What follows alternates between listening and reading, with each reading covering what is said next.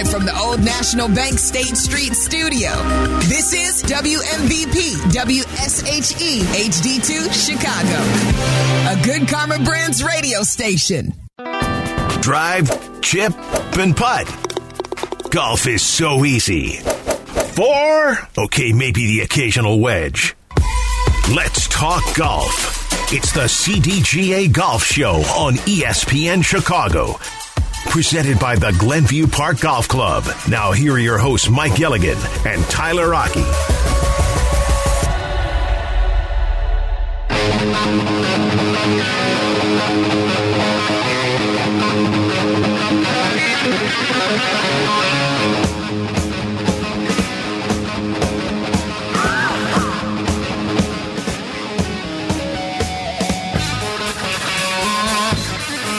Good morning welcome on into the CDGA Golf Show presented by Glenview Park Golf Club. Tyler Aki along with Mike Gilligan on the road today.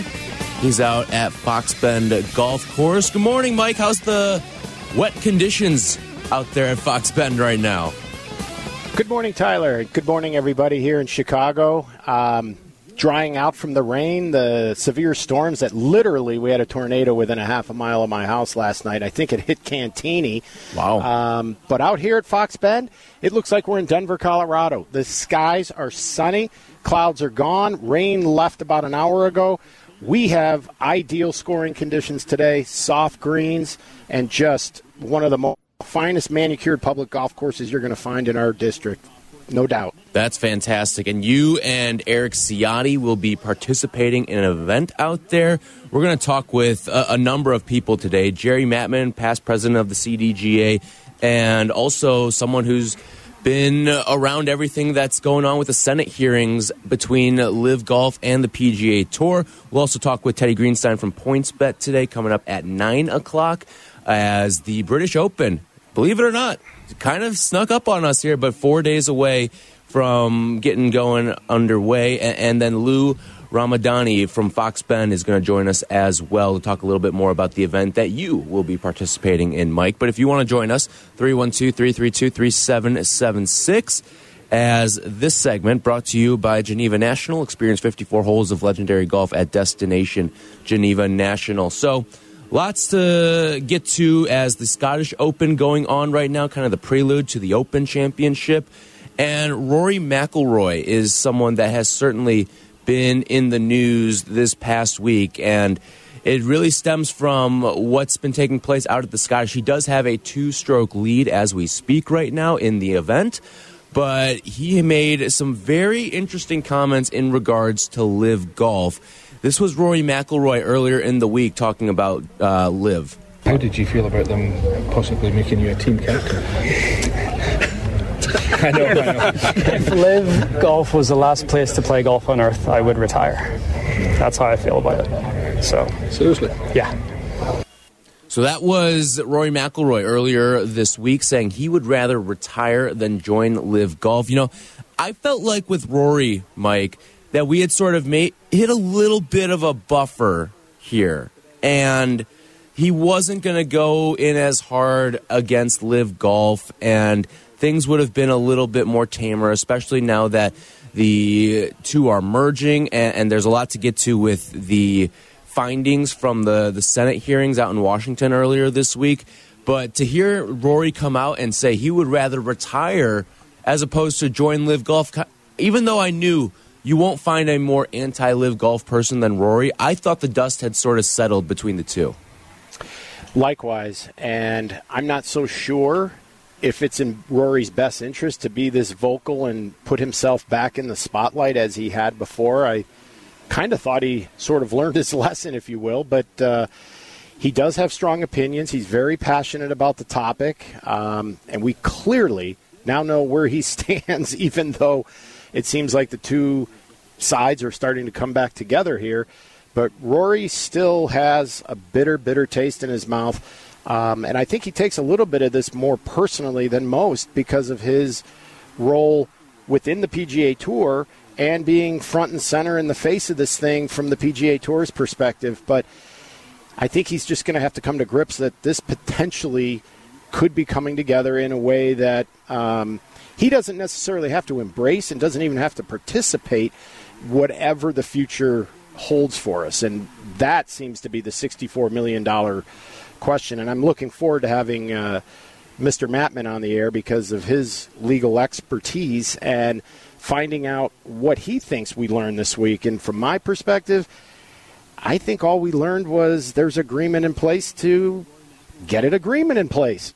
that's about it. But as far as Rory, I if I were in his camp, I would have suggested that he might maybe stay more quiet on the subject and stay focused on winning this thing this weekend and then doing what Phil Mickelson did in 2013 and that's turn right around and win the British Open. Yeah, I look at what what's happening right now with the agreements and one of the things that we saw that was unveiled in as a result of the documents that were released by the US Senate um, this one kind of threw me for a loop when I did see this. The PIF proposed that Tiger Woods and Rory McIlroy would become owners of LIV teams. And I thought to myself, hmm, that's a little odd. I didn't think we'd be seeing that. I didn't think we'd be seeing that level of crossover. And to give ownership stake in some of these teams, like, can you imagine active players on the PGA Tour owning a golf team? I mean, we don't even talk about golf teams. Now, two of the biggest faces in the sport are going to become owners of golf teams uh, as a part of an entity that, quite frankly, I don't think either are too fond of. I found that to be a little bit shocking, and to see that uh, come about, I was I was really surprised, and I don't know where we're going to stand with this, and really how much of a say does Rory and Tiger have as a part of this, like are are they go, are they able to say no to something like this? Is this just part of the agreement that the PIF and the PG going to get to? Like, there's a lot of different factors here that are are kind of puzzling to me because I feel like even though we've had these Senate hearings, there's still a lot of questions that need to be answered. I, I don't think we're out of the woods with this thing yet. I absolutely agree with you, Tyler.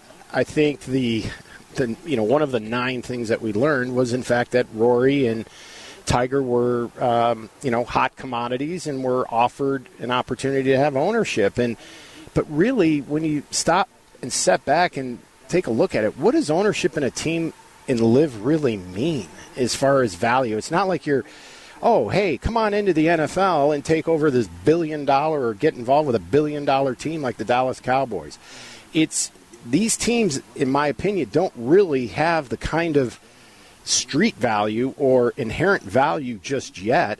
Um, yeah, maybe it was something they could have been in on on the ground floor. But I have to be honest with you. If I'm Tiger or Rory, I'm more interested in the in the set money up front, the 800 or 700 million. I think that's going to grab their attention a lot more than ownership in in a clip art team. You know, the right. Crushers or you know the you know the Cleeks. Um, I just don't know that you know how much value. I mean, it, yeah, it was probably thrown out there with the idea that these teams may have you know huge value in the very start of this thing, but in reality, I don't know that they really hold a lot of value. At least not yet. They their value of these teams or whatever team concept they come up with ultimately could rise in value and in, in, in, stature, if you will, once the PGA Tour gets involved with this. But the where it sits now and how it sits with LIV all by itself, you know, that wouldn't have really garnered much attention if I was Rory or Tiger. Right. I, I was, yeah, just to see that. Because you think about it too, and we've talked about it on this show. Like some of before we saw the merger between PIF and and the PGA Tour, like you and I have talked heavily about it doesn't look like this thing is making money right now on the LIV tour and to, to now all of a sudden want to have ownership in one of these teams I don't think that's something that's that appealing to either Tiger or to Rory who I mean in the case of Rory I'm sure he just wants to focus on the golf course and I mean Tiger he just wants to focus on getting back on the golf course right now I don't think this is something that is uh, front of mind for either of these guys who I, I, don't think either guy really cares about being a part of the, the PIF or the LIV golf circuit in any way, shape, or form, even with a PGA Tour merger. No, and I think in this case, for Rory and for Tiger, legacy has so much more inherent value now as well as in the long term. So I think, you know, Rory's got plans to win again, and hopefully maybe this weekend and again next week. But he's going to win again. He's going to win another major. It's, he's too good not to. So I think he's trying to protect his legacy. Tiger already has his. So I'm not, unless you can come up with some amazing value to sort of throw that all aside, I just don't see it happening. And I don't see it happening even after the PGA Tour gets involved. Um, you know, you know, unless unless it is a strategic thing that has to happen so that the team concept actually garners the success from the very rollout, and whatever that looks like and whatever that means. Um, and still, again, we may not even have any team golf when this is all said and done. It's going to be up to Jay Monahan when he does a thorough analysis of this thing, you know, from soup to nuts. Yeah, it's certainly going to be one of the, the big things, and that's why I'm looking forward to talking with Jerry Maatman coming up at 8:35. He's going to have all the all the details that we need to know for what's happening with the uh, LIV Golf and uh, PGA Tour merger and everything that's taking place out in in Washington right now. You know, Rory McIlroy. This is a big week for him. He's got the lead right now at the the Scottish Open, but the British Open is certainly going to be a, a different beast. And we've seen all the success that Rory has had over the past calendar year. But Mike, when we come back, I do want to ask you a question.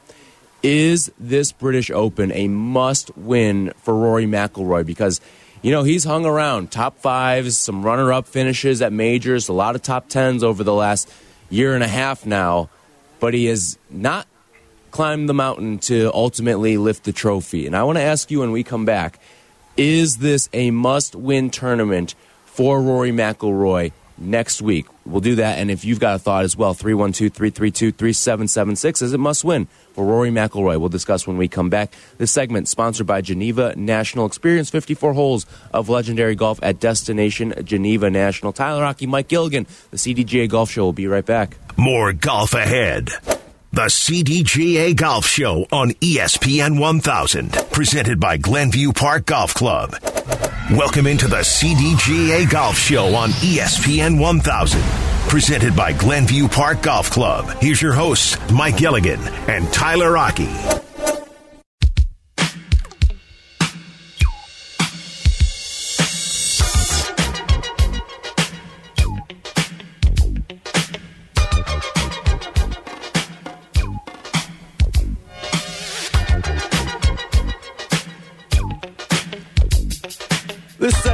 By Tour Edge. Tyler Aki, Mike Gilligan. We talk golf with you every single Saturday right here on ESPN 1000, 8 to 10 a.m. If you miss anything, be sure to check out the podcast on the ESPN Chicago app or wherever you get your podcast. We're talking a lot of Rory McIlroy this morning as his quest to win his first major since 2014 is back on.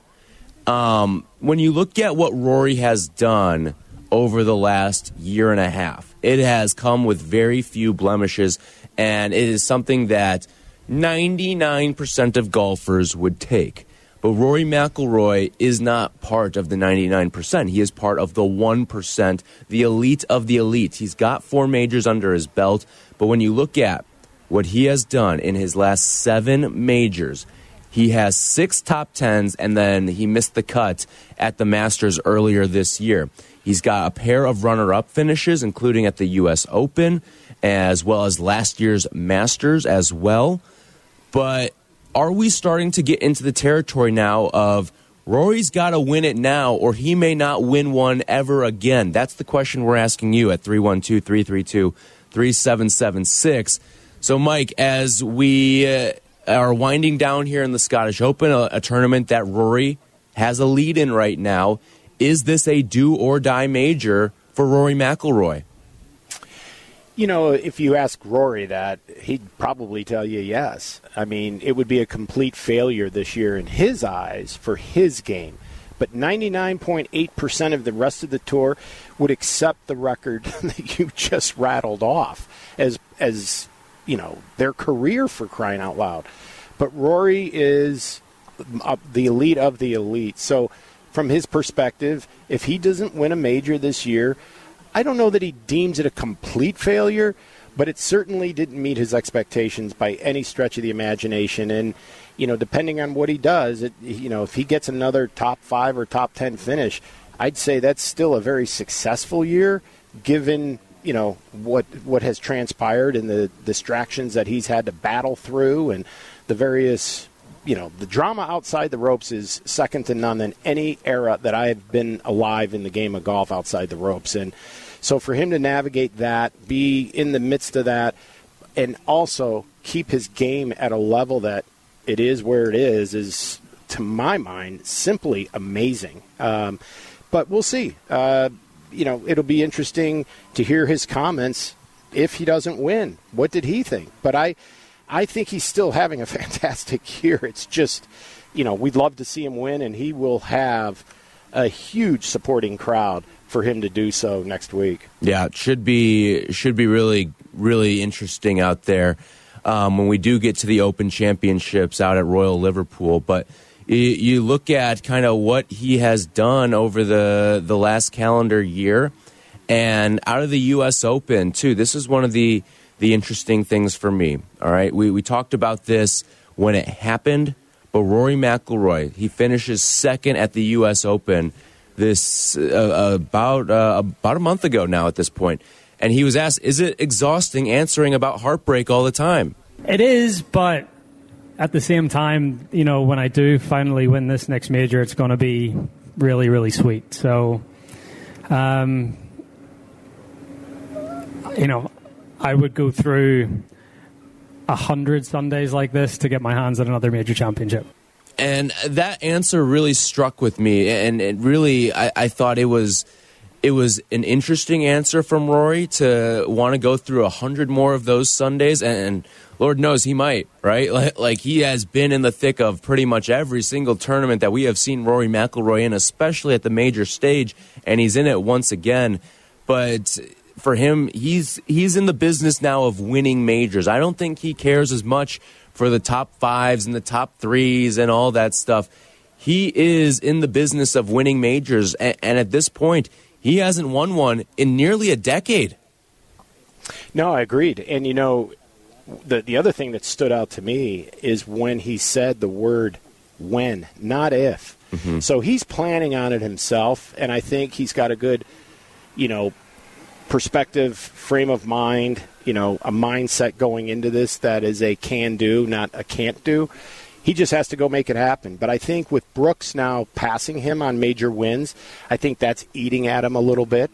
I think he wants to cement his legacy in a way that I think getting that fifth major for him is going to be just like he said. I think it's going to it, it means more to him than any of the others, and that's saying a lot because generally your first one is the one you cherish the most. But in this case, he's trying to add on to his legacy, and I think he really would like to not only tie but surpass Brooks Koepka and anyone else that is, uh, you know, has a major that's currently out on LIV. Yeah, and the other thing I look at is, I mean, the Masters earlier this year, it felt like he is getting in his own head to a degree, and I just feel like the way that we sort of saw Rory kind of how he's sort of managed the last couple of years with LIV Golf in the fold it feels like between the years, there's been a lot of distractions for him. And I wonder how much it is eating at him that he isn't coming away with these majors and how much of the fact that he has runner ups and top fives and top tens, but no trophies, how much of that at this point is the mental game? Because physically, he seems like he's in peak shape um, his game has certainly been fantastic. I mean, to have this level of consistency at the majors, again, we've talked about it. 99% of golfers would take this and run with it. But Rory McIlroy is not in the 99% of golfers. He's in the 1% of the 1%. And the way that the last year and a half has sort of gone for him, it does feel like it's been more mental as opposed to physical. It really has. I think Sunday something happens when he wakes up. And if I'm in his camp, I'm going to ask Rory, what did you do if you think back on the Sunday of your first major when you won? What are you doing different? What is the mindset that's different than how you walked on the golf course the day you won your first major? And start breaking it down in that regard because, to your point, I think he's really trying to force it. And he wants it so bad that he's not letting it come to him. He's really trying to over attack, I think, the golf course in certain ways. And his putting, let's be honest, has let him down. And it, in watching some of the Scottish Open today, I mean, Rory is one of the best drivers, if not the best driver of the golf ball in the world.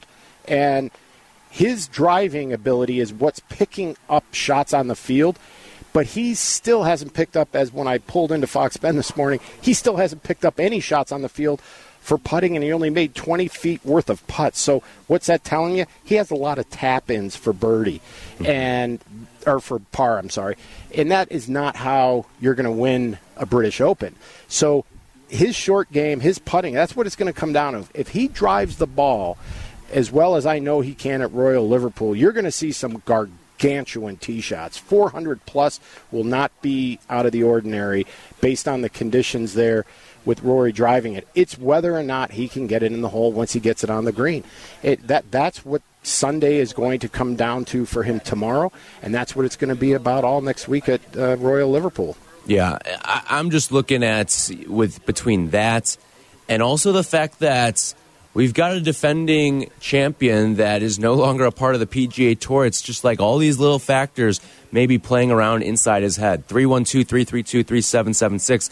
Is this a must win tournament for Rory McIlroy this upcoming week? 312 332 3776. He came up short at the U.S. Open, falling to Wyndham Clark on that final Sunday. Uh, we go out to Carol Stream and John. What's up, John? Hey guys, um, I think uh, the, the uh, you just hit your the nail on the head just a second ago. Really, it's going to come down to putting, and Rory is kind of entering into you know the Greg Norman territory back in the '80s, where he just wanted it so badly that he started getting in his own head. And Rory's putting, especially on Sundays in the majors, has not been up to Rory's standards. I mean, he's like any great putter. He considers himself a great putter. And you see on Sundays, he's just missing a tremendous amount of putts. And ultimately, that's all mental. So when he loosens up and just starts enjoying it, I could see him winning a major by four or five strokes. Yeah, like when he is on, and thanks for the call, John. Appreciate it. Like when he when he is on, there are few that you are going to find that are better. And he's right. Like I'd imagine if we see Rory win another major, like I think it could be an all-time dominant performance, or we could also see just an epic playoff type performance as well from Rory. Like he is this gamer, and unfortunately for him, it's it's ended in more heartbreak as opposed to hardware these last couple of of years. But you look at what he's done, and, and to bring up the point of, of his putting, like you go on the tour right now, and, and if you're into the advanced numbers and analytics here, he's 86th on the tour in strokes gained putting, and that to me, like that may be the missing piece right now for someone like Rory McIlroy, and what's ultimately holding him back from winning. It, it is. Um, I think that stat is very telling, and I think what John said is absolutely true. But I think the thing that Rory does have going for him is the fact that he won here in 2014. So he obviously likes the golf course, knows the golf course, and he just needs to, you know, play his game. But I do agree with you and John. I wouldn't be surprised if he wins this thing by four or five shots. I could see a clear dominating performance to just jumpstart and catapult the second half and the remaining half of his PGA Tour career and having nothing to do with LIV. But will we pick him in our fantasy golf? We're going to give out those fantasy picks coming up at 9:15. Looking forward to that. Always fun to play the CDGA fantasy golf. So we will do that in about 45 minutes from now. Get you our picks for the upcoming Open Championship. If you want to join us 312-332-3776. This segment has been brought to you by Tour Edge. When we come back, looking forward to this, we're going to talk with Jerry Maatman who former president of the CDGA and is also now a partner at the law firm Duane Morris. Get all of his thoughts on what took place out in Washington as the hearings uh, were on for the PGA Tour and LIV Golf merger. We'll get all of that when we come back. Tyler Aki, Mike Gilligan, this is the CDGA Golf Show. This is the CDGA Golf Show on ESPN 1100.3 HD2 and the ESPN Chicago app. From PGA to where you should play, this is the CDGA Golf Show with Mike Gilligan and Tyler Aki, presented by Glenview Park Golf Club.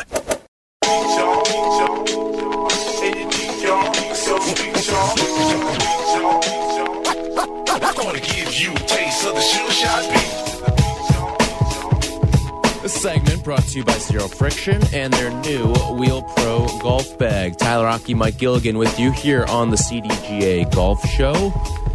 And the golf universe was not centered around Scotland this past week. It was centered around Washington, D.C., and the Senate hearings that took place between the PGA Tour and the PIF. And right now, let's head on out to the Jersey Mike's hotline. Jersey Mike's a sub above, where we find Jerry Maatman, former president of the CDGA and now a senior partner of Duane Morris. Good morning, Jerry. Thanks so much for joining us today. Thanks so much. I'm a big fan of your show. Thank you very much. So, out of everything that we sort of saw take place out in Washington this week, what were some of the things that stuck out the most to you? Uh, well, uh, as a golf fan, I learned about what the future of golf may bring as a lawyer uh, of 41 years who has been involved in these sorts of disputes. I learned uh, various data points that did not uh, make their way to the public, but were revealed in the Senate hearing. And it seemed to me some of the things that we learned were not aligned with some of the disclosures made back in early June when the PGA Tour announced um, what had occurred. So it was uh, extremely interesting from both a golf fan perspective and as a lawyer. Jerry, thanks so much for joining us. And, you know, first and foremost, clear up the fact that I don't think this is a merger. And then where do we go from here? And is there enough time to get all of this in place by the end of the year? Because at the end of the year, there's a chance that these two sides could just walk away. Uh, great question. I think the first thing you need to realize is we got to where we are because of a settlement of the lawsuit that was ongoing in San Francisco, and that the lawsuit between the golfers on LIV and then LIV itself and the PGA Tour, which involved allegations of antitrust violations led to uh, both sides dropping the lawsuit and agreeing as part of the settlement to um, combine. Uh, I don't know what it is, a combination, a merger, um, but it is clear that there are various laws, both in the United States and the European Union, that uh, look at uh, competitors when they combine or they merge and determine whether or not it's appropriate to allow that merger or combination to take place. The last famous one that occurred was when two airlines in the United States wanted to combine, and the Department of Justice conducted an antitrust investigation under something known as the Clayton Act and said that this, in essence, was not good for competition. It didn't promote better service, didn't help consumers, that instead uh, it was monopolistic behavior uh, in violation of the Clan- uh, Clayton Act, and therefore the merger combination would not be approved. And those airlines separated, and after a big, huge press conference about combining, had to say, you know, we've not been given the blessing by the antitrust department, um, so we're not going to move forward. And just like that, that process may well occur. The Senate hearing was kind of the prelude to the U.S. Department of Justice looking at the business relationship that has been proposed and whether or not it should be allowed or disallowed. And I think what we learned during the Senate hearing is there's not a definitive, defined agreement between the two entities for anyone to look at, that rather it's a bit of a moving target At most, there's an agreement to agree. It's probably not enforceable in a court of law right now as a contract. It does have a sunset provision that says it must be concluded by December 31. Parties could certainly extend that date, but we're going to have the 2024 golf season uh, starting in January of next year. Uh, and if nothing is in place and we still have this chaos, that won't be good for golf. So there are very serious questions as to whether or not, even if um, the public investment fund and the PGA Tour want to enter into some sort of business relationship, whether or not that will be approved. And something very interesting happened after the Senate hearing uh, that was not part of the Senate hearing, but um, PGA Tour and LIV announced that they had amended their framework agreement to drop what was known as an anti-poaching term uh, within it that said during the negotiation of this merger or combination, neither party would poach or try to uh, peel away professional golfers on either tour. And the Department of Justice said to the parties, you know, that is a, that's illegal, that anti-poaching term, and so there was an announcement, very low key announcement by the PGA and uh, and LIV parties that they were going to drop that clause from their framework agreement. So it's very clear that uh, invest uh, enforcement authorities at the Department of Justice are looking at the framework agreement. There has not been an announcement that that there is a formal investigation. I think that's a fait accompli, and it's going to occur. You have a lot of pressure on the parties to get a deal done. Um, a five-page uh, side agreement is probably going to end up turning into a hundred-page actual contract, and the devil is in the details, and it's probably being worked out as we speak. So we have a long way to go before we know what professional golf is going to look like in the coming year. And there's no certainty that the framework agreement that exists right now will actually be put into place and effectuated without many changes or twists and turns. So uh, there's a little bit of legal chaos going on at the time. Jerry Maatman, senior partner of Duane Morris, joining us here on the Jersey Mike's Hotline, also the former president of the CDGA. So, Jerry, eh, how far apart are these two sides now? Because we've talked about, like you you've alluded to, it's a framework agreement. Nothing is set in stone quite yet. So, how far apart are these two in your eyes? Well, we don't know because they're negotiating behind closed doors. They're not doing it in the spotlight of public opinion. Um, we don't even know who exactly are on the negotiating teams. We know that various law firms are involved in trying to put together the deal in the interests of golf and the interest of the parties. And from a compliance standpoint, knowing that the Department of Justice and maybe European antitrust uh, enforcement authorities will be taking a look at the ultimate agreement. So we don't know. Uh, it's very hush hush, and that's how corporate deals go down. Um, they're kept private. People are bound to confidentiality agreements until there's a final deal. Uh, but it's clear that they aren't close, or there'd be an announcement. Uh, it's clear that they have a way to go, and the fact that they have a December 31 deadline date tells you that there's a lot of detailed arrangements that have to be worked through and neither side is you know going to give in and just do what the other one's saying and the fact that uh, the public investment fund uh, purportedly is going to invest north of one billion dollars this is a very high stakes negotiation and uh, is very meaningful. So i would not expect anything to occur probably at the shortest within a month. I think we're looking more towards the fall Jerry, on Tuesday when I was watching the hearing, um, Senator Blumenthal suggested and even urged Jimmy Dunne and Ron Price, the COO of the PGA Tour, to pull out while they still can. Is that realistic at this point? Uh, it's probably not uh, realistic, uh, and beauty is in the eye of the beholder. But unlike you know two trucking companies or two airlines combining you have a, a politically loaded situation here because of 9/11 and because of the uh, presence of Saudi Arabia in the deal, and so you have a lot of loaded political and social issues superimposed on top of uh, professional golf. So it's a very unique and at the same time very challenging situation uh, about what's going on. And so uh, I think that no one's going to be happy, and the deal is going to be criticized, and there will be certain people that will say that PGA Tour is making a deal with an entity that it should not make a deal with and they won't be saying that for legal or financial reasons. They'll be saying that for political or moral reasons.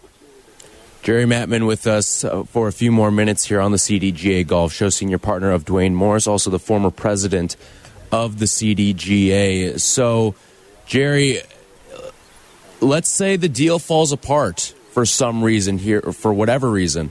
What does the future of golf look like? Well, I think it would be very chaotic.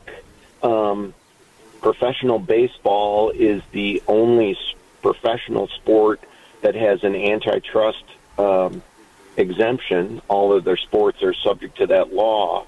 And so whatever has done has to be done in the interest of competition and in the interest of the game.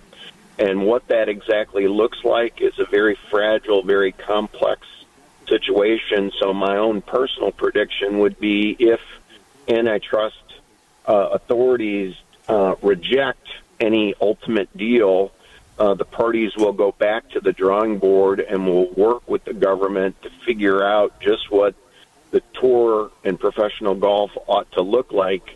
Uh, and it may well be something that's very different than what we know as golf fans today in terms of taking parts of what's going on on the LIV Tour, parts of what's going on with the PGA Tour, and having a new system that has attributes of both. But that's guesswork in the future. Uh, but it's very, very clear that um, anyone who assumed that this was a done deal, it's far from it. So, Jerry, then even if and when a deal is in fact signed, it would still need to pass muster from the antitrust regulators, who I'm sure are eager to scrutinize the terms. So, what sort of things would they be looking for, in your opinion? I think there are two things they'd be looking for, and I agree with you that I think that there's an appetite among the enforcement regulators to take a look at the deal. It's a discretionary decision. They don't have to. It's not mandatory, but I think they'll exercise their discretion to do so. But I think they'll look at it from two vantage points. The first will be the market for professional golf in terms of sponsorships, tournaments, um, players, all the things around it in terms of whether or not the combination or merger promotes competition and is for the betterment of the sport and makes uh, rather than uh, creating a grip uh, like a monopolist on the system, whether or not there are playing opportunities around the world and other alternatives to whatever that new entity looks like. And then the second aspect is a concept called wage suppression. Is the combination such that it acts to suppress the wages of the laborers who are in that labor market? It's somewhat unique in that um, wage suppression typically deals with minimum wage workers or workers that earn less than $100,000 a year. And when companies combine, um, is the combination such that their wages are suppressed. And so the Department of Justice has sued in the last 24 months fast food restaurant companies, um, high tech companies, and saying that various no poach agreements acted to suppress wages and therefore were violations of antitrust laws. Remember who we're dealing with here professional tour players, some of them in the post LIV world making 10, 20, 30 million dollars a year. And so, from a political standpoint, should the American taxpayer dollars be spent investigating wage suppression where the difference in wages is um, with this system, I make $20 million. Without this system, I make $25 million. My wages have been suppressed $5 million. And it might be an academic violation of law, but in the practical world in which we live, um, is the Department of Justice going to be concerned with multi gajillionaires and whether or not they make 5 million more than 20 million? So uh, I think that the wage suppression issue is more academic than the other one, but those are the two boxes that'll have to be checked by the Department of Justice to give its blessing to any ultimate agreement between the two parties. Yeah, interesting point there. Appreciate the time, Jerry. Thanks so much for joining us, and look forward to maybe chatting down the road as well. Sounds great. Thank, Thank you you, so Jerry. much. Play well. Thank Jer- you. Jerry Maatman, senior partner of Duane Morris, also the former president of the CDGA, with us on the Jersey Mike's hotline. When we come back, Mike and I, we played golf together for the first time, and it is at one of the most beautiful courses that you will find in all of the state of Illinois. We'll tell you all about that when we come back. This segment brought to you by Zero Friction, the most innovative products company in golf. This is the CDGA Golf Show, presented by Glenview Park Golf Club, ESPN 1100.3 HD2, and the ESPN Chicago app. Golf is on your mind and on the air right now. This is the CDGA Golf Show on ESPN 1100.3 HD2, and the ESPN Chicago app. Presented by Glenview Park Golf Club.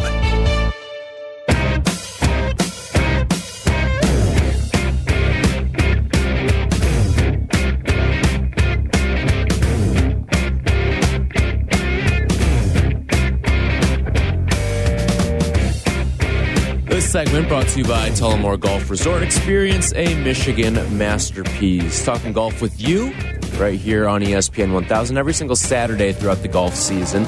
You want to join us, 312 332 3776. Mike and I were together on Tuesday earlier this week when we were taking in the BMW Championships Media Day. Great day out at Olympia Fields. Uh, a fabulous day put together by Vince Pellegrino and the rest of the Western Golf Association. It was a lot of fun being out there. But one of the fun things that we got to do was we got to play the course Mike out at Olympia Fields. And even though it was a little shortened due to some weather, we had a great time out there playing together. Um, first time we've ever played together as well. So being out there and I mean, what a first place to play together, right? Olympia Fields for the two of us. Yeah, unfortunately, I think the next place we play, I think our uh, our real estate value will plummet. I mean, how special is a Why Olympia not? Let- Why don't we? Why don't we just make it on out to Bandon Dunes, huh? There you go. Okay, I'm I'm up. all- I'm all for that. But uh, no, the WGA did a fantastic job. They're Vince and his team, the way they hosted us, uh, first class. And folks, it's going to be a first class event. They, the structures have already are in process of being built. And is it going to be spectacular? They- They're going to attempt to play the regular routing that the members typically play. They're not going to, you know, change or contrive the golf course in a way that, as a typical guest or member, you can't enjoy the experience. They were able to do it, you know, the last time they were there when Jon Rahm won, when there was nobody there for a mm-hmm. gallery, so it was easy. But what I noticed when we walked around is how much they are building up. There is a three story hospitality structure Yes. that is one of the biggest I've ever seen at a golf event, and it is going to be a prime place to be. But you know they they have gotten very very creative with the elevation with the bleacher elevation so there are bleachers that you're going to look at the given hole you're on but you can also see other holes around you because they've got you so high up in the air it is going to be a fantastic event and it is going to photograph on television extraordinarily well It, it's like a nosebleed seat for golf, but that actually might be a good thing for golf. Like that, I think would actually be pretty cool to be up in the elevation because, like you mentioned, you can see the other holes, but also kind of see how the game plays from above as well. Absolutely, and this is, I think, to your point, the the the type of sports event that you attend where you do want to sit up in the back row because you are going to have some of the most exquisite panoramic scenes that you just can't appreciate on a day-to-day basis because we just don't have those structures out there. So if you have tickets to the BMW, get excited because this is going to be one of the best events Olympia Fields, if not the best they've ever hosted. Yeah, looking forward to that coming up in the middle of August there. And we one of the best things I think from the day was they had a little flag on that 18th green where you could attempt the 66 foot putt that Jon Rahm made in the playoff. You came close to hitting it. Um, I did. but it was it, it, it was it just made you appreciate what he did in that playoff round even more. You know, and I tried it a few more times even after you went home. Mm-hmm. Um, and I got to tell you, that is one in at least a thousand attempts to make. You have got to negotiate exactly how far out left you go and then just let that baby die down into the bowl. But, you know, he hit it when it was time and crucial and under all that pressure just makes it that much more amazing. But the one thing I'm I'm surprised that you said it was the best thing that ever happened. I thought you're. Can you tell us how? How did you play 16? the the signature par three, Tyler. Yes, the elevated par three on 16. I birdied that hole. I it was a what? It was playing 195, I believe. Um, and I, I hit a, a, four iron about pin high, and then I sunk. Uh, what do you think? It was an 18 to 20 foot putt. To, I'd say 15 to 18 feet. Yeah, yeah. To, but to I mean, it was center cut. But it was, it was yeah. absolute center cut. One and of, uh, one of the better holes of golf I've played in my life.